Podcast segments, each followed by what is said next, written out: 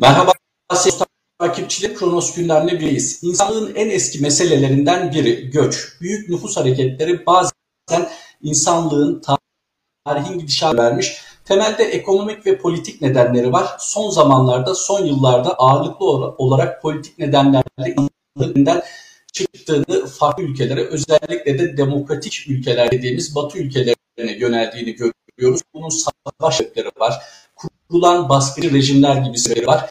Ve son olarak da Belarus sınırında bir sıkıntı yaşanıyor. Buna sıkıntı demek hafif bir tabir olabilir. Aslında görüntülerden anladığımız kadarıyla bir tane dram da yaşanıyor. Doğru tabiri tabii ki konuğumuz Sayın Metin Çorabatır verecek ki kendisi bu konuda son derece deneyimli ve donanımlı bir isim. Çünkü kendisi İltica ve Göç Araştırmaları Merkezi Başkanı. Aynı zamanda eski Birleşmiş Milletler Mülteciler Yüksek Komiserliği Türkiye Sözcüsü ve gazeteci Sayın Metin Çorabatır. Hoş geldiniz. Çok teşekkürler, iyi yayınlar.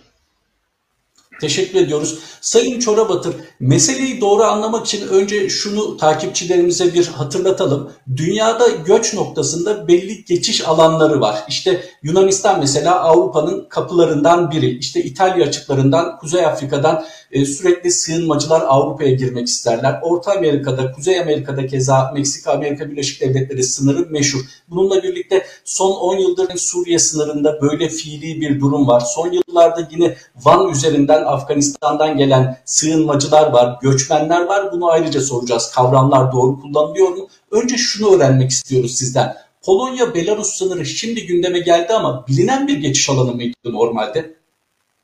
Bu boyutta değildi. Her zaman Rusya üzerinden, Belarus'tan e, bu e, Baltık ülkelerine geçişler oluyordu ama çok uzun ve meşakkatli bir yol olduğu için daha çok kara yoluyla çok uzun mesafeler, çok farklı ülkeler geçerek gelenler oluyordu ama şimdiki e, kriz, karşı karşıya kaldığımız kriz bu sınırda e, boyutları itibariyle yeni.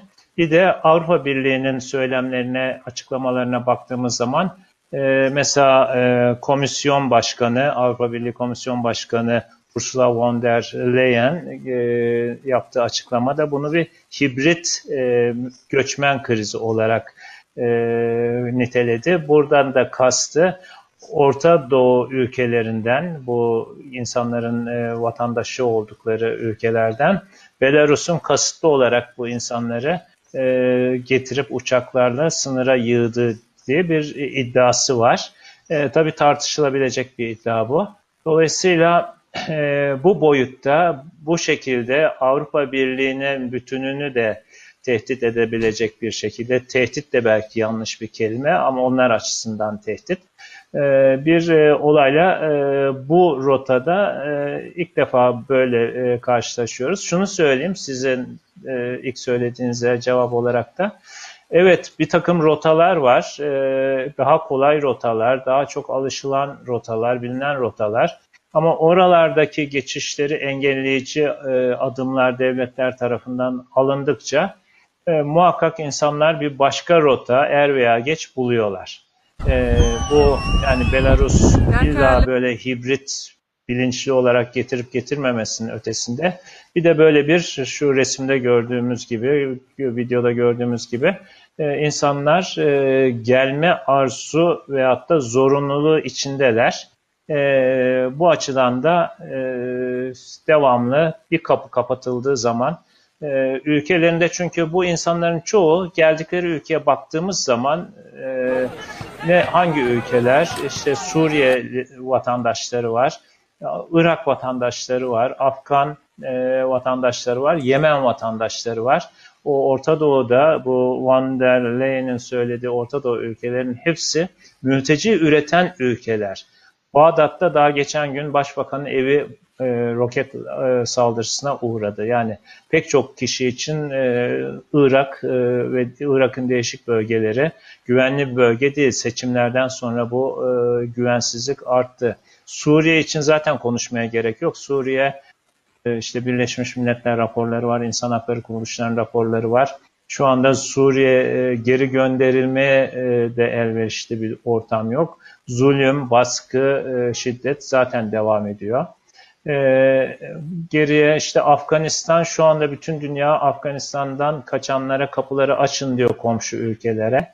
Ama e, bu yolla gelenlere de şimdi Polonya'da e, bunlar göçmen dem demeye başladılar Avrupa Birliği ağzından. Dolayısıyla e, evet e, sorunuza biraz uzun cevap verdim ama e, bu rota e, bu boyutta yeni kullanılmaya başlandı. Bir de bu hibrit sözünün şeyi yani melez sözünün şeyi karşılığı anladığım kadarıyla bir devletin Belarus'un bir siyasi baskı kurmak amacıyla bu insanları getiriyor. O anlamda kullanılıyor.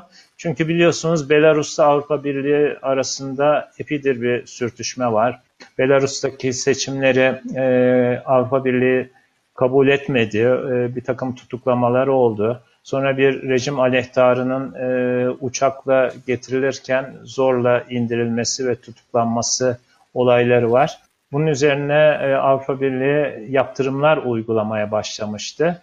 Avrupa Birliği açısından baktığımızda onların tezi, Avrupa Birliği yetkililerinin tezine göre e, Belarus bu yaptırımlara karşı bir e, karşı bir cevap e, misilleme yapıyor. Sayın Çorabatır sizin de belirttiğiniz gibi Avrupalıların tespiti gayet yerinde. Orta Doğu ülkeleri evet mülteci üretiyorlar fakat Pakistan özelinde düşünürsek pazar bir bomba patladığında çocuk 80-100 kişi ölüyorsa Taliban rejimi fiili olarak Afganistan'ı eğiliyorsa ve insanların gündelik hususunda bir takım kaygıları baş görüyorsa, savaş devam ediyorsa, Irak'ta başbakan dahi korsa insanların kendilerini daha güvenli coğrafyalara atmak istemesi normal. Fakat tabii ki bunun düzenlenmesi, denetlenmesi gerekir. Bunda da Avrupalıları eleştirecek değiliz. Fakat Polonya sınırına yani Avrupa Birliği sınırına dayanmış bu insanların göçmen miydi yoksa mülteci statüsünde mi olduğuydu? Bu tartışmalar sizce yerli yerinde mi ve Avrupa Birliği mevzuatına da uygun mu göç açısından? Kesinlikle uluslararası standartlara göre e, menşe ülke dediğimiz bu ülkelerden geliyor bu insanlar ve bunlar da genelde e, işte seyahat e, dokümanları, pasaportları, gerekirse vizeleri, vizeleri de kaldırmıştı Belarus. E, parasıyla uçak bileti alıp Belarus'a uçtular. Burada bir taşımacılık olayı var. Burada bir e, kasıt aranabilir ama Sınıra gelen bu insanlar çoğu çocuk 10 kişi öldü. Bu soğuk koşullarda kış koşulları daha da şey yapıyor, artıyor. Sınıra duvar örmek e, ve bu insanları içeri almamak e, da bir başka Avrupa Birliği ilkelerinin ve uluslararası mülteci hukukunun ihlali anlamına geliyor. Şöyle söyleyeyim, dediğim gibi bu ülkelerin hepsi e, yıllardır mülteci üreten, istikrarsız, savaşın olduğu, can güvenliğinin, e, özgürlüklerin olmadığı bir e, takım ülkeler. E, Birleşmiş Milletler'le Uluslararası Göç Örgütü'nün ortak yine bu son günlerde bu krizle ilgili bir şey var. Gayet haklı olarak onlar da diyorlar ki iki şey vurgulanıyor. Hatta Avrupa İnsan Hakları Mahkemesi'nin de bu konuda bir tavsiyesi var. Polonya hükümetine e, bu ve Litvanya, e, Letonya hükümetlerine de onlar da etkileniyorlar bu krizden. E, bir kere bu sınırdaki insanlara acil insani yardımın eriştirilmesi lazım. Bunlar zor durumda. Isınmaları, çadır, başlarını sokacakları bir çadır şeklinde bir barınaklarının olması, yemeklerinin verilmesi, ilaç ihtiyaçlarının karşılanması, ısıtılmaları gerekiyor. Bu insani yardımın e, sınırın herhangi bir bölgesinde yani Belarus yönünde de olsa e, Avrupa Birliği tarafından sağlanması şeklinde Avrupa İnsan Hakları e, Mahkemesi de uyarıda bulundu. Onun yanı sıra dediğim gibi Birleşmiş Milletler Mülteciler Yüksek Komiserliği bizce asıl önemli olan bu insanların sınırdan içeri girmelerine izin vermeleri verilmesi lazım ve orada e, sığınma başvurularının değerlendirilmesi lazım. Evet bir kısmı belki ekonomik sebeple hareket ediyor. Bunu bir fırsat biliyor. E, Belarus'un e, devletinin e, yardımıyla geldiler. Açtığı bir koridorla geldiler ama hakikaten e, neden kaçmak zorunda kalırlar? Neden Irak'ı, Suriye'yi terk etmek zorunda kalıyorlar? Bu ülkelerdeki koşullara baktığın zaman pek çoğunun haklı bir mülteci, kişiyi mülteci yapan gerekçesi olabilir. Burada e, hızlı bir şekilde Avrupa Birliği'nin de yardımıyla mesela Frontex'in de Polonya hükümetine yardımı, Birleşmiş Milletler Mülteciler Yüksek Komiserliği zaten Polonya'ya, Litvanya'ya yardım eli uzattı. Bu insanların sığınma taleplerini sınırın e, Polonya tarafında, güvenli tarafı da veya Litvanya tarafında e, hızlıca da olsa değerlendirelim ve hakikaten kaçmalarına, bütün bu meşakkati çekmelerinde haklı kişi mülteci yapan faktörler varsa onları artık Avrupa Birliği topraklarına alalım. Ama tabii Avrupa Birliği toprağına bu şekilde mültecileri alsalar da sorun bitmiyor. Bu sefer Avrupa içinde yeni bir kriz yaşanıyor. 2015 yılında işte Türkiye üzerinden e, yüklü bir e, miktarda insan geçişi biliyorsunuz büyük bir kriz yaşanmıştı. Bu biraz ona e, benziyor. Sayılar daha az e, 2015-16 yılındaki e, krize göre ama burada da Avrupa Birliği sınırlarının içine girdikten sonra kim sorumlu, kim bunları alacak? Yunanistan mı, Polonya mı, Avrupa Birliği'nin kendi sınır ülkelerinde mi kalacaklar yoksa bunun içinde de mi bir yük paylaşımı olacak? Dolayısıyla yük paylaşımı bugün uluslararası mülteci hukukunun en zayıf ve en e, dikkate alınmayan ama en önemli e, ilkesi. E, 1951 Cenevre mültecilerin e, statüsüyle ilgili sözleşmenin giriş bölümündeki en temel ilkelerden birisi. Dördüncü paragraf. Bu bir uluslararası sorundur mülteci iltica olayı ve ancak uluslararası işbirliğiyle çözülmesi gerekir deniyor ama bu işbirliği yapılmıyor. Ne Avrupa Birliği ile ona komşu veyahut da daha gerideki ülkeler arasında yapılmıyor. Aynı şey işte Türkiye 4 milyon insan e, barındırıyor.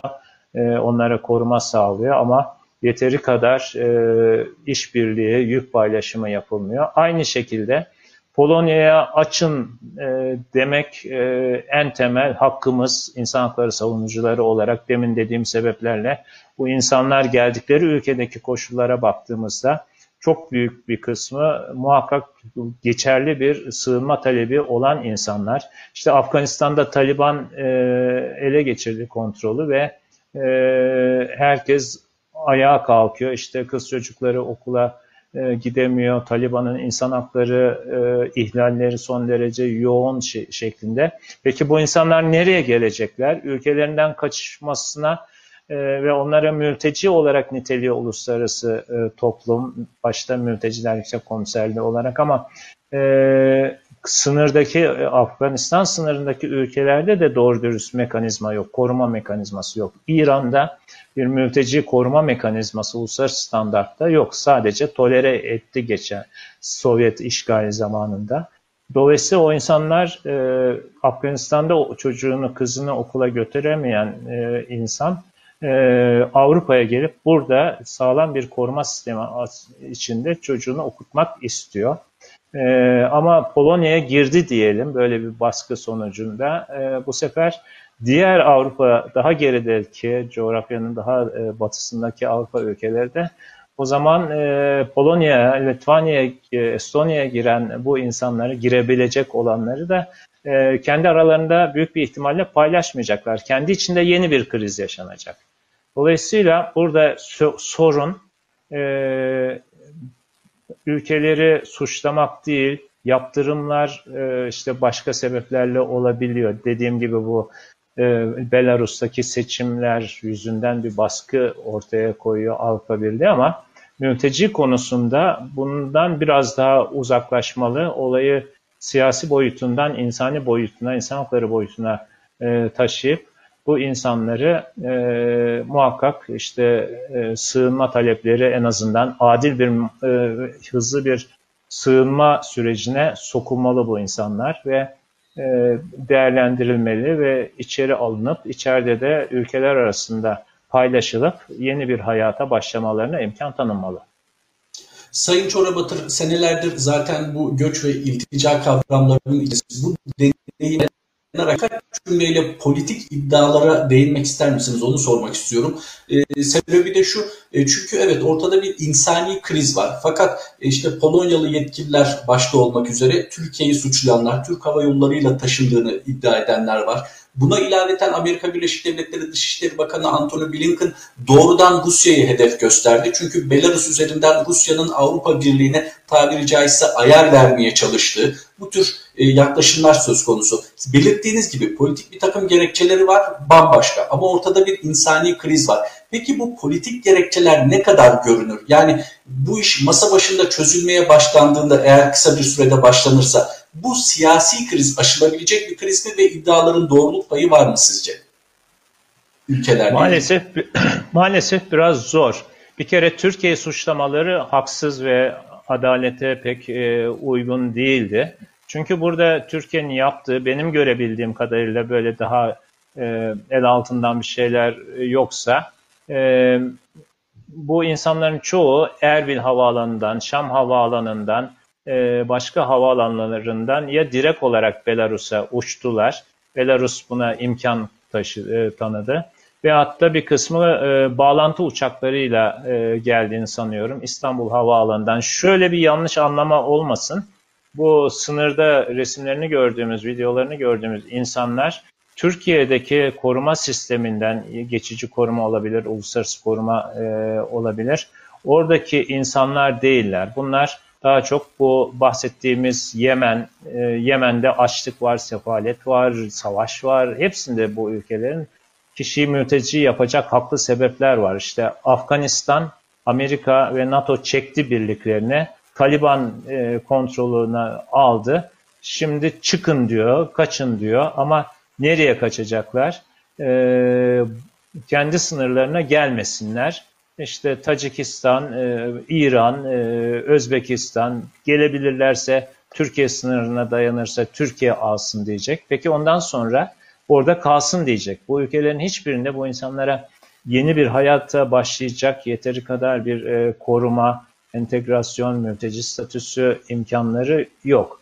Şimdi Rusya'ya baktığımız zaman da Putin de e, cevap verdi. Bizim hiçbir e, dahlimiz yok e, Afganistan'a bakın siz oradan çekildiniz bu insanlar geliyorlar dedi. Yani önemli olan burada e, bu politik tartışmalar e, bir yere götürmez bizi. İlkeler konusunda hareket etmemiz lazım. E, uluslararası hukuk ilkeleri e, çerçevesinde, mülteci hukuku çerçevesinde siyasileştirmemek lazım ve ee, dediğim gibi Türkiye suçladı eline ne geçti? Nitekim Türk Hava Yolları ve Türk Sivil Havacılık e, durdurdu e, yeşil pasaport veyahut da e, benzeri e, seyahat belgesi olmayan olanların dışındakileri e, uçurmamaya başladı. E, işte Avrupa Birliği'nin bu uçuş yasakları e, Belarus'a yönelik olarak koyduğu yaptırım şeklindeki uçuş yasakları e, Türkiye'yi normal olarak bağlamıyor. Çünkü Avrupa Birliği'nin bir şey ülkesi değil Türkiye, üye ülkesi değildi. Ama ona rağmen işbirliği yaptı ve e, bazı yetkilileri de Avrupa Birliği'nin e, Türkiye'ye teşekkür ettiler. Bu çerçevede e, bu insanlar doğrudan daha çok dediğim gibi hep baştan beri mülteci üreten ülkelerden geliyorlar. O ülkelerde ciddi insan hakları ihlalleri ve hatta devletlerin bunu e, kontrol edememe durumları var. Afganistan, Yemen, Şa, e, Suriye, Irak hep bu ülkelerden geliyorlar ve e, burada artık e, bu e, bir e, bu olayda bir konspirisi bir şey o aramanın ötesinde şu andaki bu insanların durumuna bakmak lazım. Bu insanlar nereye gidecek? Belarus bunları e, Minsk'e başkentine daha içeri yaklaştırmıyor. Ee, orada e, Belarus'un bir insan hakları ihlalleri var kesinlikle. Tabii bu koridoru bilinçli açtılar. Ee, işte uçakları birdenbire bu insanlar siz dediniz ya yeni bir rota mı? Evet böyle en ufak bir sistem içindeki e, en ufak bir açığa bu insanlar e, hemen sarılıyorlar. Çünkü hakikaten yeni bir hayata kavuşmak, ölümden, zulümden kaçma ihtiyaçları var. Geldiler burada e, çok kötü koşullarda sınıra e, saplandılar. e, daha insani olarak bildiğimiz bir takım insani ilkelere, insan hakları ilkelerine e, sahip çıkması gereken birlik Avrupa Birliği'nin insanları içeri alması lazım ve e, en azından hızlı bir şekilde e, sınırın e, Polonya, Litvanya taraflarında mülteci veya da sığınma taleplerinin adil bir şekilde değerlendirilmesi lazım. Mülteci hukukunun en temel şeylerinden birisi hangi yolla gelirse gelsin. İsterseniz bir devlet bu işte e, hibrit dediği e, şeyin e, Avrupa Birliği yetkilisinin yoluyla gelsin. E, önemli olan bu insanların hakikaten e, girmek istedikleri bölge dışında bir korumaya e, imkanları var mı? Koruma sağlamaya imkanları var mı? Şu an itibariyle yok. Avrupa Birliği'nin dolayısıyla kapıları e, açması gerekiyor. Bu yapılıncaya kadar bunun için diplomatik müzakereler ne kadar yapılır? Avrupa Birliği, Belarus bu e, yaptırımları kaldırmak için kullanıyor diyorlar. İşte araç sallaştırma e, suçlamasıyla karşı karşıya Belarus. E, görünen o ki bu suçlamalarda da bir önemli geçerlik payı var. Ama buna karşılık e, e, bu zaten bu yaptırımlar sistemi neticede insanları etkiliyor. Hükümetleri fazla etkilemiyor. Devletlerin onları yönetenleri etkilemiyor. Burada da evet, ilk etapta genel, Evet. İlk etapta in, insani e, sorunlara bir çözüm üretilse, akabinde siyasi bir çözüm çabasına girilse tabii ki yerinde olacak. Haber boyutunda hemen aktaralım. Avrupa Birliği Dışişleri Bakanları Brüksel'de bir araya geldi. Ağırlıklı olarak üstünde durdukları konu Şenko yönetiminde Belarus'a bir takım yaptırımlar bu konuda bir mutabakat sağladılar. Az önce belirttiğiniz gibi Almanya Dışişleri Bakanı Heiko Maas'ın Türkiye'ye teşekkür eden bir açıklaması var. Uyarıyı dikkate aldığı için Türk Hava Yolları aracılığıyla. Öte yandan çoğu Irak vatandaşı bu sığınmacıların ve Irak'ta birkaç gün içerisinde düzenli seferlerle gelmek isteyen vatandaşlarını geri alacağını duyurdu. Fakat geldiğimiz noktada yaklaşık 10 gündür bunu konuşuyor dünya kamuoyunda bu gündemde üzerinde hayatını kaybetti. Şöyle bir dönem Doğu Avrupa sığınma bulunuyor. Dönemden kastettiğim tabii ki mevsim şartları ve ona rağmen henüz sadece yerel bir takım görevlilerin, ilgililerin çabasıyla insanlar orada hayata tutunmaya çalışıyor. İşte Münih Belediyesi bir kısmını kabul edelim şeklinde federal yönetime duyuruda bulundu. Polonya'da insanlar evlerine yeşil ışık yaktılar buraya sığınabilir gelenler diye. Şu an gelinen nokta bu. Umarız bir an önce insanlık namına bir çözüm üretilir. Siyasi çözüm akabinde de sağlanabilir. Biz buradan Sayın Çorabatır hemen Türkiye'ye geçelim istiyoruz. Çünkü Türkiye'nin de senelerdir özellikle 2011 Suriye İç Savaşı'ndan itibaren yaşadığı bir sığınmacı sorunu var. Sığınmacı sorunu diyorum ama büyük bir soru işareti bırakıyorum. Akabinde de ünlem işareti. Çünkü bizde medya dahil ki siz de bir gazetecisiniz göçmen mi, kaçak mı, sığınmacı mı bu konuda bir yanlış kullanım var. Daha doğrusu bir genellemeci yaklaşım var yahut da kaçak göçmen gibi tamamen yanlış bir kullanım var. Önce kavramlar üzerinde durur musunuz? Hangisi hangisine karşılık gelir? Nasıl doğru kullanmalıyız? Şimdi mülteciden başlayalım. E, mültecinin tanımını uluslararası sözleşmeler, Türkiye'nin de taraf olduğu uluslararası sözleşmeler tanımlıyor. 1951 Cenevre Sözleşmesi bunun e, en iyi tanımını yapan, güncel tanımını yapan 1967'de bu tanım biraz daha genişletildi. E, bir de daha sonraki uygulamalar ve e, yerel e, bölgesel anlaşmalarla tanım biraz daha şey yaptı. En kısa itibariyle mülteci ülkesinde e, ülkesinin korumasından e, yararlanamayan, bu yararlanamama sebebi de e, hayatı ve özgürlüğü ülkesinde tehdit altında olan ve bu yüzden ülkesini terk etmek zorunda kalan kişi hangi sebeplerle tehdit altında kalınıyor? İşte 51 Cenevre Sözleşmesi, dini inanç, e, siyasi görüş, ırk, milliyet, ait olduğu sosyal grup gibi 5 tane sebep e, sayıyor. Artı savaş, iç savaş, işgal gibi olaylar da buna eklenince yani kendi ülkenizden e, onun korumasından yararlanamadığınız için e, kaçmak durumunda kalmanız, kalan kişi mülteci deniyor. E, sığınmacı bu sürecin başlangıçtaki bir aşaması. tıpkı bu şimdi yaşadığımız e, Polonya sınırındaki olaya bakarsak, diyelim ki bu insanlar sınırda o telleri deldiler, geçtiler. E, geçtikleri anda tabii normal koşullarda hemen e, gaz püskürtülüp bunlar geri itilmemeli e, ama geldiklerinde Polonya toprağına bastıklarında e, biz sığınıyoruz. Suriye'den kaçtık, Afganistan'dan, Taliban'dan kaçtık demeleri lazım. O dedikleri anda sığınma talep eden kişiler. E, İngilizce asylum seeker, Türk hukukunda sığınma başvurusu yapan kişiler olarak geçiyor. E, bu kişinin bir iddiası var ama o iddia henüz doğrulanmadı. Belki ekonomik sebeple, başka bir sebeple geldi. Ama bu insani koridoru kullanmak istiyor. Onun için bir prosedür var. O prosedür tamamlanıp da evet siz hakikaten e, bir korku yüzünden, haklı bir korku yüzünden e, kaçmışsınız deninceye kadar da daha sınırlı haklar kullanılarak o ülkede geri gönderilmemek koşuluyla kalma imkanı sağlanmalı. Bu kişilere sığınmacı, e, sığınmacı kavramı biraz yani Türkçe'ye uyuyor ama e, İngilizce dediğim gibi sığınma talep eden kişi asylum seeker e, olarak aynı sürecin daha erken bir aşaması hakkında bir kişinin temel e, karar, esas bir karar verilinceye kadar. Göçmen çok daha geniş bir kavram. Yani herkes göçmen olabilir. İşte siz alıp e, bir e, iş bulabilirsiniz yurt dışında BBC'de e, bir iş teklifi alabilirsiniz. Pasaportunuzla şey hakkınızla, oturma müsaadesi hakkınızla gider orada 3 yıl, 5 yıl bütün hayatınız boyunca kalabilirsiniz. İşte Türk işçi vatandaşlarımızın Almanya'ya 60'lı yıllarda gitmesi, Almanya'nın davetiyle bir göç hareketi, sığınma hareketi değil. Dolayısıyla eğitim amaçlı, sağlık amaçlı, evlilikler amaçlı pek çok e, nüfus hareketleri e, göç e, kavramının altında.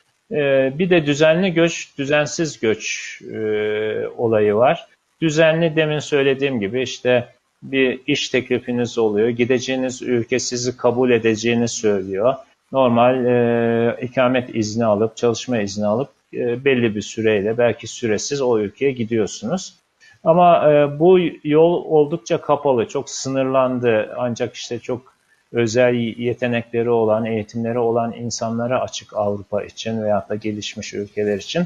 Ee, bazı insanlar da tam kişiyi sığınmacı yapan, mülteci yapan koşullar olmasa bile e, yine de düzensiz olarak insan kaçakçılarına ya, e, para vererek yeni bir hayat kurmak amacıyla gidiyorlar. E, düzensiz olarak giriyorlar. Pasaportları yok, şeyleri yok. Yine belki bu e, sınırda gördüğümüz insanların bir kısmı da ekonomik sebeple gidebiliyor ama şimdi günümüzde bu ekonomik göçmen ve e, mülteci kavramları arasında ayır etmek de çok zor. Mesela Afganistan'da bir yandan Taliban'ın e, şeyleri var, büyük bir insan hakları ihlallerinin yaşandığını biliyoruz. Bir yandan da e, yıllardır süren çok büyük bir açlık ve kuraklık var. Yani e, Afganistan'dan çıkıp yollara e, kendisini Belarus, Polonya sınırında bulan bir şekilde bir insanın hakikaten Taliban'dan mı kaçtı yoksa açlıktan mı kaçtığını ayırt etmek çok zor. Bu kavramlar birbirine e, iç içe giriyor. E, dolayısıyla insani olarak bakmak lazım. E, Birçok konuda artık bu kadar net mülteci, e, tanımına dar anlamda giriyor yoksa e, bunun arkasında bunu körükleyen işte kuraklıklar, açlıklar da mı var? E, bu konuda e, karar vericilerin, e, mülteci e, statüsü belirleyici kişilerin çok geniş insan hakları hukukundan da destek alarak sadece mülteci hukuku değil, e, onun e, oradaki tanımları insan hakları hukuku çerçevesinde de yorumlayarak, konjonktüre bakarak, geldikleri ülkedeki siyasi durumlara da bakarak yorumlamaları şu andaki genel temayül. E, dolayısıyla işte düzensiz göçmen de herhalde biraz sözü dolandırdım ama düzensiz olarak ama sağlam bir sığınma talebi olmadan e, bir ülkeye giren kişiler. Genelde bu kişilerin e, yolu e, mültecilerle kesişiyor. Aynı araçlarla, aynı kaçakçılara para vererek geliyorlar. E, onun dışında da işte kaçaklar dediğimiz artık kullanılmaması gereken şey. Yani düzensiz göçmen de olsa bu insanlar insandır. Kaçakçı dedi, kaçak dediğimiz zaman e, baştan bu insanları suçlamış oluyorsunuz. Kaçak lafı bir kanun dışılığı içeren bir söz. Onun için e, bugünkü literatürde e, düzensiz göçmen daha tercih edilen bir kavram oldu. Evet ya estağfurullah sözü dolandırmadınız çünkü kavramlar o kadar iç içe geçmişti ki bunları bir şekilde açmak gerekiyordu. Belirttiğiniz gibi belki kaçak hoş bir ifade değil ama hukuki karşılığı olan ve bunun için şu an dolaşımda da olan ifadelerden biri. Keza Afganistan örneği Yemen için de geçerli. İnsanlar evet bir taraftan açlıktan kırılıyor ama bir tarafta yemek bulamayacak, yiyecek bulamayacak, ağaç yapraklarıyla çocuklarını beslemek zorunda kalacak insanlar çok ciddi bir yönetim sorunu da yaşıyor tüm otokrat ve baskıcı rejimlerden kaçan insanların tabii ki bir gerekçesi de ekonomik temelde e, özgürlük sorunları olsa da buradan o halde son olarak Türkiye'nin sorununa gelelim. Bu tanımları yaptıktan sonra hemen tek gerek Suriye'den gerekse Van'dan, Afganistan'dan gelen insanlar var. Ve bu insanların çok düzenli gelmediğini biliyoruz. Evet Suriye iç savaşı sırasında çok sıcak gelişmelerden dolayı belki denetimli olabilirdi fakat böyle bir e, tercihte bulunmadı ya da yönetim. İlk etapta çadır kentler düşünüldü. Akabinde bu uygulamada çok üzerinde duruldu. Bir sorunu olduğu açık. Tanımlamada mı, mülteci hukukunda mı? Çünkü e, bunu da e, açıklarsanız seviniriz. Türkiye'nin mülteci hukuku çok farklı. Yani e, mülteci kabul etme kıstasları farklı.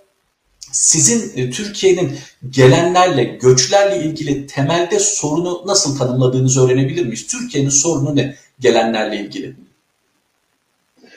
Gelenlerle ilgili bir kere hep böyle kullanılan e, siyasi amaçla kullanılan bir şey var. Türkiye kapılarını niye açtı? Türkiye davet etti filan deniyor. E, işte Suriye rejimini zayıflatmak için filan. Bunlara katılmak zor. Çünkü uluslararası kabul bu insanların e, rejimlerinin baskısı, e, sert müdahaleleri yüzünden ülkelerine terk etmek zorunda kaldıkları şeklinde.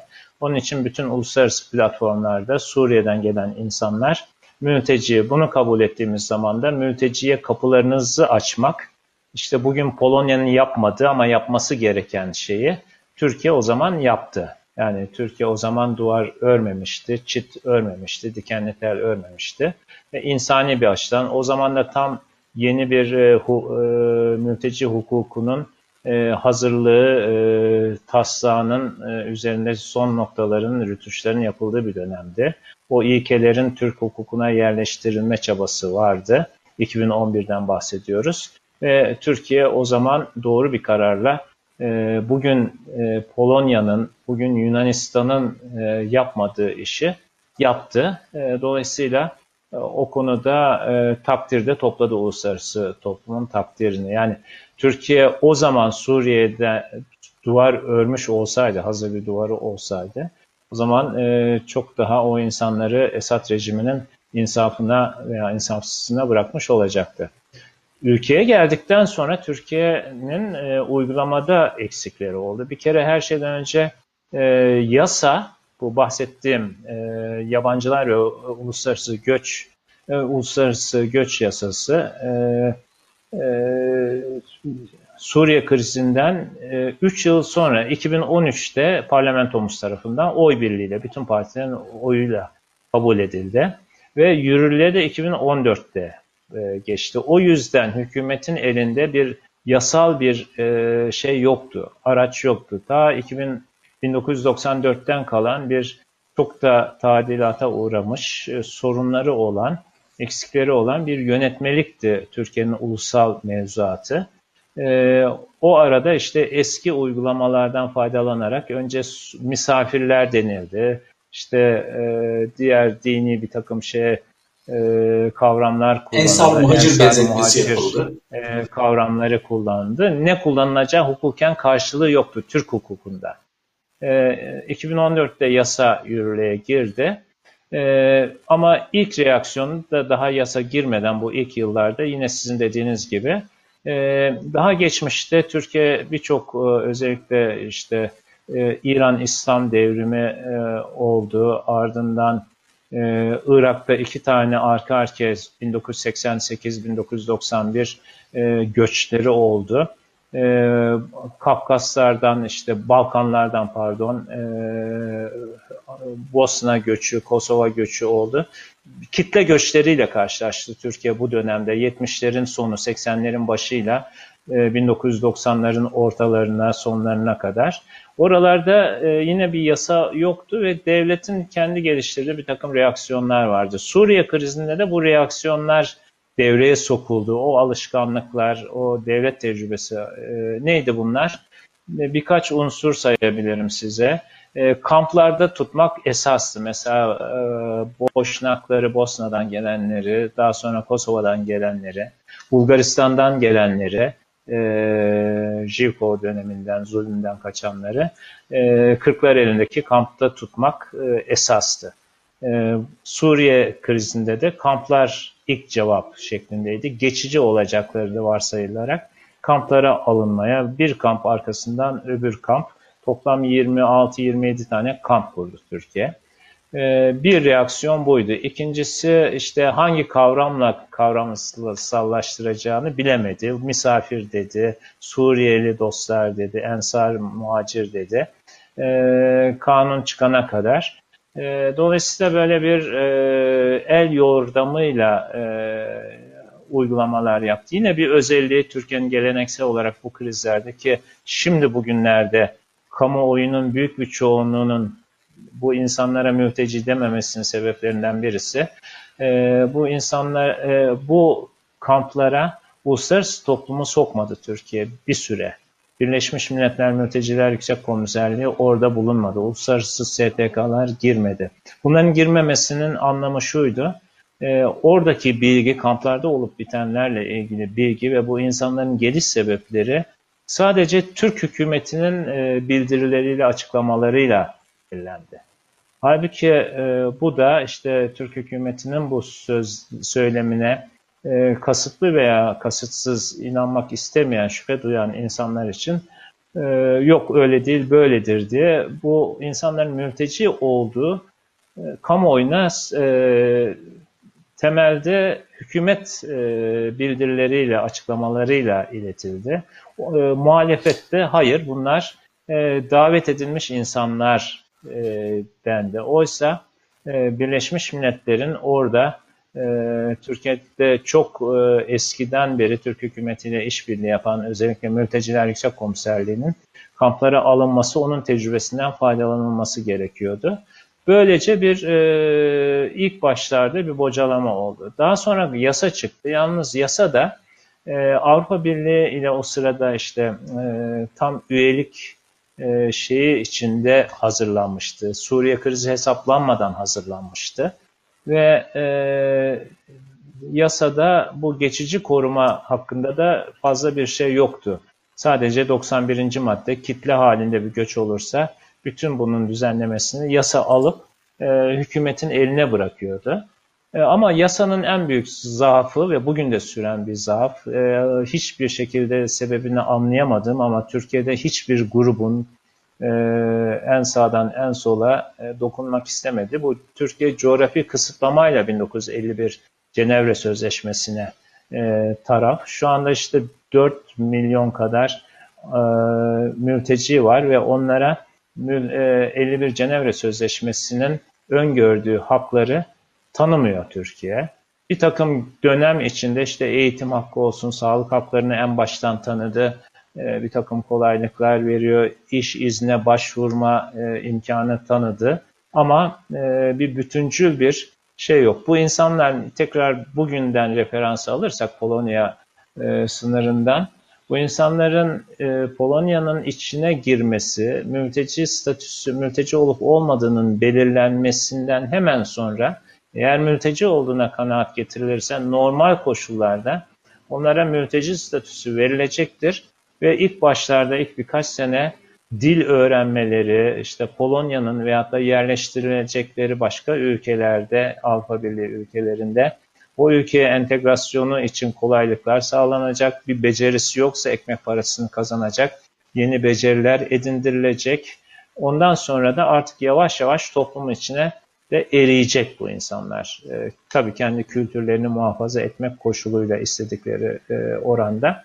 E, Türkiye'de bu erime olmuyor. Hep böyle e, toplumun bir tarafında yarın gidecekler gibi. E, burada en büyük zaafımız var. Dolayısıyla çok Sayın değerli Çorabatı, insanlar. O halde son olarak şu soruyu ekleyeyim. Siz sözünüzü öyle tamamlayın. Ya da şu an mülteciler olmak üzere farklı gruplar geliyor. Dediğiniz gibi insani gerekçelerle zaten engellenmemesi doğal. Bunda da bir sorun yok. Fakat iç kamuoyunda şöyle bir itiraz var. Kontrollü yapılmıyor. Çünkü görüntülere yansıdı. Siz de zaten e, saha araştırmalarınızdan biliyorsunuz. E, İşte son olarak çok üzücü Van Gölü'nde 60 küsur mültecinin öldüğü bir tekne faciası yaşandı. Bunlar hep konular. Evet tabii ki yasal yollardan birileri bu işten para kazanıyor. E, bunlar bilinen gerçekler. Ama bununla birlikte özellikle e, Afgan gelişi daha kontrollü yapılamaz mı? Takdirde siz sahada yaptığınız araştırmalarda şöyle bir risk görüyor musunuz? Suriyeli sığınmacılar için bu sorun baş göstermişti. Şimdi Afganlar için de yaşanıyor biliyorsunuz. Ee, acaba işte küçük provokasyonlardan büyük olaylar çıkabilir mi? Çünkü bu insanların e, savaşçılar olduğu iddia ediliyor bir taraftan. Ailece gelmedikleri, sadece yetişkin erkeklerin geldiği. Siz mutlaka bunları daha iyi takip ediyorsunuz. Bir asayiş riski teşkil ediyor mu? Şu an Türkiye'nin bu konuda görece rahat davranması. Şimdi şöyle kontrol, sınır kontrolü, kitle göçü dediğimiz sınırda mesela şu anda e, tedbirli olduğu için hemen e, çitler gerdi ama halen e, zorlanıyor. Polonya bile zorlanıyor. E, Yunanistan Türkiye sınırında e, duvarlar örüldü. E, ama Türkiye o zaman e, böyle bir göçü e, e, hazırlama durumunda değildi, hazırlığı yoktu. Şimdi Afganistan e, sınırında da e, bilmiyorum o sınırı gezdiniz mi? Çok uzun bir sınır, Türkiye'nin İran sınırı ve o sınırda da e, işte zor bir coğrafya var. Bugünkü gazetelerde var. Evet Türkiye 3 metre boyunda yüksekliğinde e, 145 kilometre uzunluğunda sınırın bir bölümünü kapatan bir duvar ördü. E, bunu işte modern elektronik e, cihazlarla da kontrol ediyor, dronlarla da kontrol ediyor. Ama sınırın bazı bölgeleri var ki e, hakikaten burada duvar örmek, hendek kazmak veyahut da e, drone uçurmak da çok zor. Bir de karşımızda bu insanlara e, yardım eden, hakikaten bu her bir e, yolu, patikayı, mağarayı bilen kaçakçılar var. Bu insanlar her yolu deneyebiliyorlar ve insanları şey yapıyorlar, geçirebiliyorlar. Ama yine bugünkü gazetelerden öğrendiğimiz 1600 kişi son 1-2 ay içinde sınırdan giriş yaparken yakalanmış durumda. Düzenli yani mülteci akımlarını hele böyle bir ciddi bir e, kitle göçü olduğunda düzenli olarak e, düzenlemek çok zor. Yani tek tek pasaportlarıyla düzenlemek çok zor.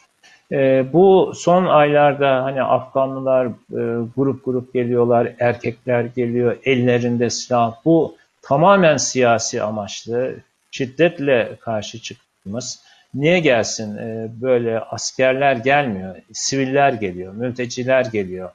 E, Afganistan'da nitekim işte e, tam bu söylentilerin arkasında Taliban kontrolü ele aldı. Taliban'dan kaçan insanlar sadece erkekler değil çok sayıda e, Afgan kadın, çocuk bu insanların e, arasındaydı.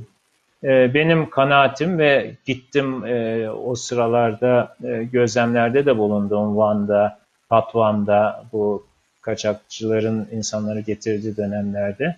E, dediğimiz gibi, dediğim gibi e, kadın, çocuk, aile çok fazla.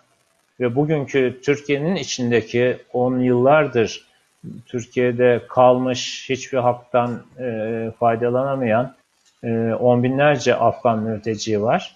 Bunların çoğu aile içinde, aileleri var, çocukları var ve e, onlar da gidemiyor. Nitekim işte 2019'da e, Türkiye hmm, işte sınıra gidebilirsiniz engellemeyeceğim dediği zaman e, gidenlerin çoğu Afganlılardı ve ailelerdi. E, o Edirne sınır kapılarında e, gördük. Bugün Polonya sınırında gördüğünüz gaz sıkmaları, insanlık dışı davranışları Yunanistan'da aynı şekilde e, sınırdan içeri girmemeleri için yaptı. Yani e, hızlı bir panik halinde insan kaçışının olduğu yerde bunu düzenlemenin zor. Ama içeri girdikten sonra yasal düzenlemelerle onların haklarını tam olarak verirseniz bu hem bu ülkeye, bulundukları ülkeye hem de bu insanların yeni bir hayat kurmasına yardımcı olacaktır. İnsan haklarına erişmiş olacaklardır. Ee, biz çalışıyoruz mültecilerle e, değişik e, projeler çerçevesinde. Çok güzel insanlar, çalışkan insanlar, e, yeni bir hayat kurmak istiyorlar, eğitime önem veriyorlar. Ama maalesef bu hani elinde silah, grup grup, takım takım, bölük bölük gelenler edebiyatı tamamen 2023 seçimlerine odaklı bir e, söylem olarak görüyorum. Sayın e, işte ana muhalefet partisi liderimiz Sayın Kılıçdaroğlu e, saygılarımı sunarım ama e, ısrarla diyor ki Esad rejimiyle el sıkışacağız ve bunları göndereceğiz. Oysa Birleşmiş Milletler daha yeni her sık sık tazeliyor, monitör ediyor, izliyor. Bugün Suriye'de insanların e, geri gönüllü geri dönmelerine müsait ortam yoktur. Geri dönenler Ürdün'den, Lübnan'dan bunlar çok büyük işkencelere, e, yargısız infazlara maruz kaldılar, kalıyorlar. Onun için e, bunu da bu raporları özellikle bazı Avrupa ülkeleri e, hükümetleri işte sıfır mülteci alacağız filan, mültecilerin statüsünü, Suriyelilerin statüsünü kaldıracağız diye orada da benzer bir mülteci karşıtlığı var ama Birleşmiş Milletler olsun, insan hakları örgütleri, gözlemcileri olsun buna kuvvetle karşı çıkıyorlar. Şu anda Suriye'de e, böyle bir ortam yok. Afganistan'da zaten insanlar bıraksanız e, boşaltacaklar Afganistan'ı büyük ölçüde. Dolayısıyla kontrolü zor bir olay. Yani e, böyle normal bir turist hareketi, bir öğrenci e, hareketi gibi sınırdan sağlık amacıyla gelenlerin hareketi gibi bunları içeri alın, otellere yerleştirin, altyapı hazır. Bu tür olaylar olmuyor. Bocalama muhakkak oluyor. Türkiye'nin bugün aldığı mülteci sayısı dediğim gibi 4 milyon.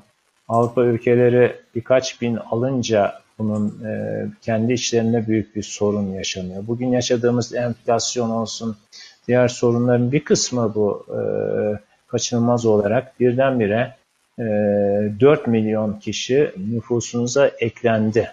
Yani bu e, 10 yıl gibi bir kısa zamanda nüfusunuz öngörülen doğal artış hızının çok üstünde bir hızla arttı.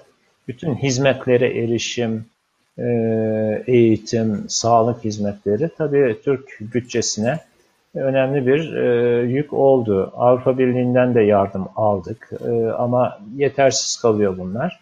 E, benim kanaatim normal statülerini tanımlarsak, e, verirsek e, yardıma ihtiyacı olmadan bunlar ayaklar üzerinde duracaklardır, kalkınacaklardır.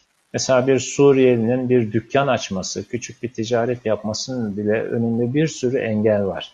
Hep şey tersinden bakılıyor işte yanımdaki Suriyelinin açtığı bakkal vergi ödemiyor. Vergi almıyor ki veyahut da izin vermiyor ki. O adam da ama evine ekmek götürmek için küçücük bir ticarethane açmak zorunda kalıyor. Kredi alamıyor, e, hiçbir destekleri yok.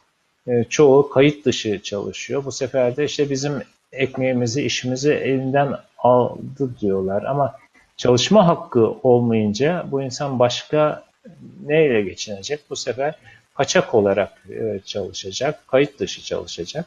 Böyle e, sistemin en büyük eksikliği bir entegrasyon, kapsamlı bir entegrasyon, ekonomik boyutuyla, sosyal boyutuyla kapsamlı bir şeyin olmaması. Şunu söyleyeyim, mesela Bulgaristan seçimleri yapıldı.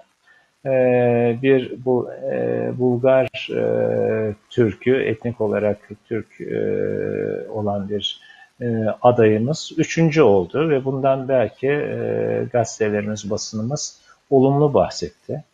E, şimdi tabii Bulgaristan'daki Türk nüfusu oraya yerleşmiş oranın e, yüzyıllardır e, bir parçası olmuş bir nüfus. Ama e, Avrupa'daki örnekleri de dikkate alırsak, Türkiye'deki seçimlerde neden mesela bir Suriyeli iyi bir politikacı, Türkiye'yi e, uluslararası yer alanlarda da temsil edecek bir insan seçime girsin ve ön saflarda yarışmasın. Ee, işte bu vatandaşlığa getiriliyor. Vatandaşlık tamamen olumsuz olarak görülüyor. Ee, oysa artık çok e, e, çok kültürlülük e, günümüzün önemli bir unsuru, kabul görülen bir unsur. Onun için yasal mevzuatı düzeltmemiz lazım başta. E, o zaman Türkiye'nin üstlendiği pek çok yük e, kendiliğinden bir zaman akışı içinde kalkacaktır diye düşünüyorum. Sizin de sık sık vurguladığınız gibi temele insanı alırsak, insani değerleri alırsak hem siyaseten mültecilerin kullanılması gibi insanlık dışı bir uygulamadan da kurtulmuş olacağız. Hem de dediğiniz gibi toplumun bir takım ekonomik kaygılarını da gidermiş olacağız. Yahut sosyo-kültürel kaygılarını da gidermiş olacağız. Her şeyden önce insani olarak bir çözüm üretmek elbette. Sayın Çorabatır çok teşekkür ediyoruz değerlendirmeleriniz için. Çalışmalarına diliyoruz. Ben teşekkür ederim ilginize. Sağ olun. Olun. Sevgili Kronos takipçileri Polonya-Belarus sınırında neler oluyor sorusuyla başladık. Ardından göçmen mi, sığınmacı mı, mülteci mi, Türkiye'nin sorunu hangisi bu soru üzerinde durduk. İltica ve Göç Araştırmaları Merkezi İGAM Başkanı, eski Birleşmiş Milletler Mülteciler Komiserliği Türkiye Sözcüsü ve gazeteci Sayın Metin Çorabatır konuğumuzdu. Kronos gündemde tekrar buluşmak üzere ve mülteci üretmeyen demokratik, özgür sistemlerde yaşamak üzere. Hoşçakalın.